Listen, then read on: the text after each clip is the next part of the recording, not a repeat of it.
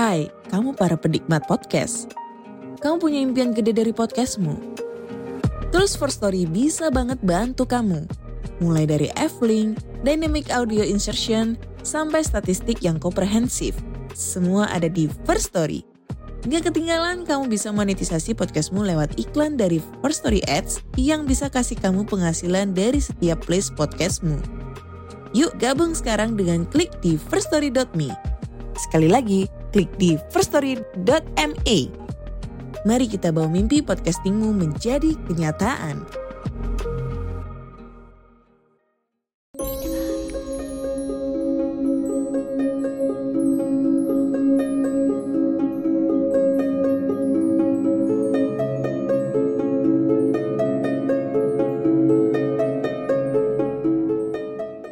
Selamat datang dan selamat malam.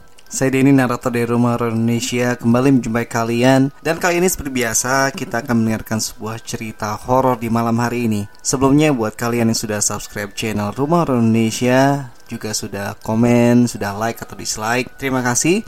Dan buat kalian yang juga setia mendengarkan saya di podcast Rumah Horor Indonesia di Spotify, juga makasih dan mohon kesediaannya buat mampir ke YouTube RHI atau Rumah Horor Indonesia buat subscribe karena itu bakal membantu banget. Dan terima kasih banget buat kalian yang sudah.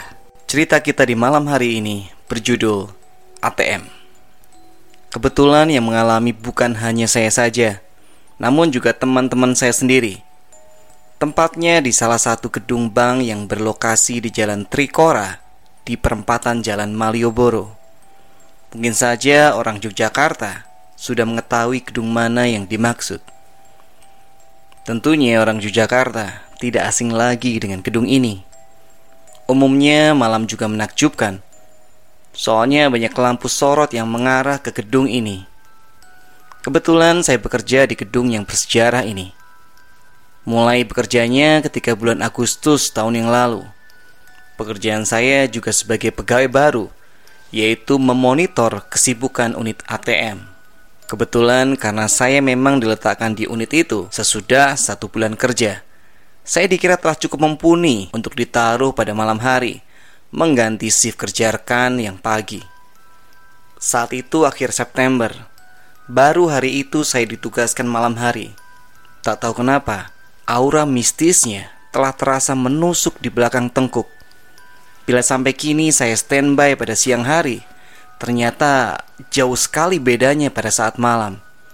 Apa yang saya saksikan di sepanjang siang ternyata sangatlah berbeda saat giliran masuk malam. Nah, waktu saya masuk malam, di sana juga ada empat orang rekan lainnya Tiga orang seprofesi dengan saya, juga sebagai pengawas, serta satu lagi bertugas sebagai driver. Lantaran masih baru, saya diminta untuk melakukan pemantauan ATM melalui monitoring di kantor. Jadi di situ ada monitor-monitor TV yang menayangkan keadaan ATM-ATM dengan real time. Nah, bila ada kerusakan, rekan saya lah yang bakal meluncur ke TKP dengan driver atau mungkin saja sendirian. Jadi ceritanya, waktu itu saya baru saja jaga malam. Saya masuk kerja jam 8 malam. Di situ telah ada tiga rekan yang memantau keadaan ATM di TV. Sembari bercakap serta bercanda. Tidak terasa, waktu telah menunjukkan pukul 11 malam. Saat itu terlihat ada kerusakan ATM di daerah Jogja Selatan, seputar Jalan Bantul. Jadi rekan saya yang senior bergegas pergi mengajak rekanku yang satu lagi untuk menemaninya. Jadi tinggal saya sama rekan satu lagi yang ada di ruangan itu. Sekitar 15 menit setelah kepergian dua rekanku tadi, eh, terlihat ada ATM yang rusak lagi. Namun yang ini hanya ATM di lantai-lantai dasar. Jadi rekanku yang satu lagi itu bergegas ke bawah untuk melakukan maintenance. Ya, pada akhirnya tinggallah saya sendiri memantau situasi.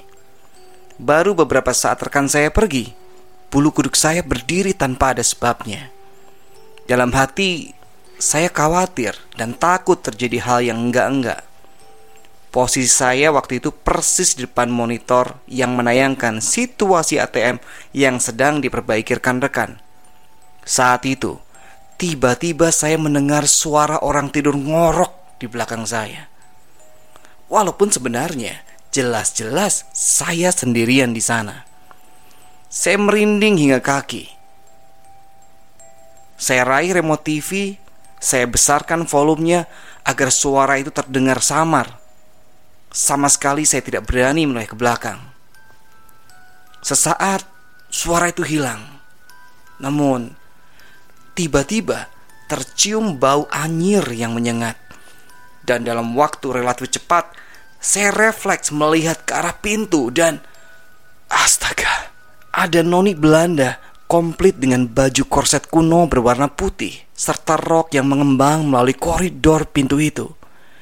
Di dalam hati, sontak saya berdoa agar dapat menggerakkan tubuh ini. Seperti tersihir, saya pun tak dapat berbuat apa-apa hingga noni itu berlalu dari pintu. Setelah dia pergi, saya baru dapat bergerak lagi. Saya pun bersyukur dan mengucapkan, "Alhamdulillah." Tak lama kemudian, rekan-rekan pun datang. "Wah, kamu mengapa mukanya pucat?" tanya salah seorang temanku yang bernama Didi. Namun, belum saja saya menjawab, rekanku seakan sudah paham. Pasti diajak kenalan ya? Gak apa-apa, Semuanya juga pernah mengalami hal yang sama, kata Didi. Besoknya saya menghadap bos, memohon agar saya dipindahkan ke sip pagi kembali. Trauma saya. Ya itu tadi teman-teman cerita horor kita untuk malam hari ini. Semoga kita bisa mengambil hikmah dari semua hal yang sudah terjadi.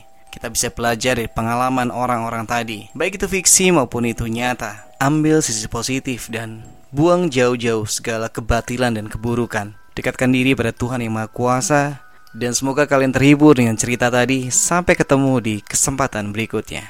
Selamat malam, selamat beristirahat.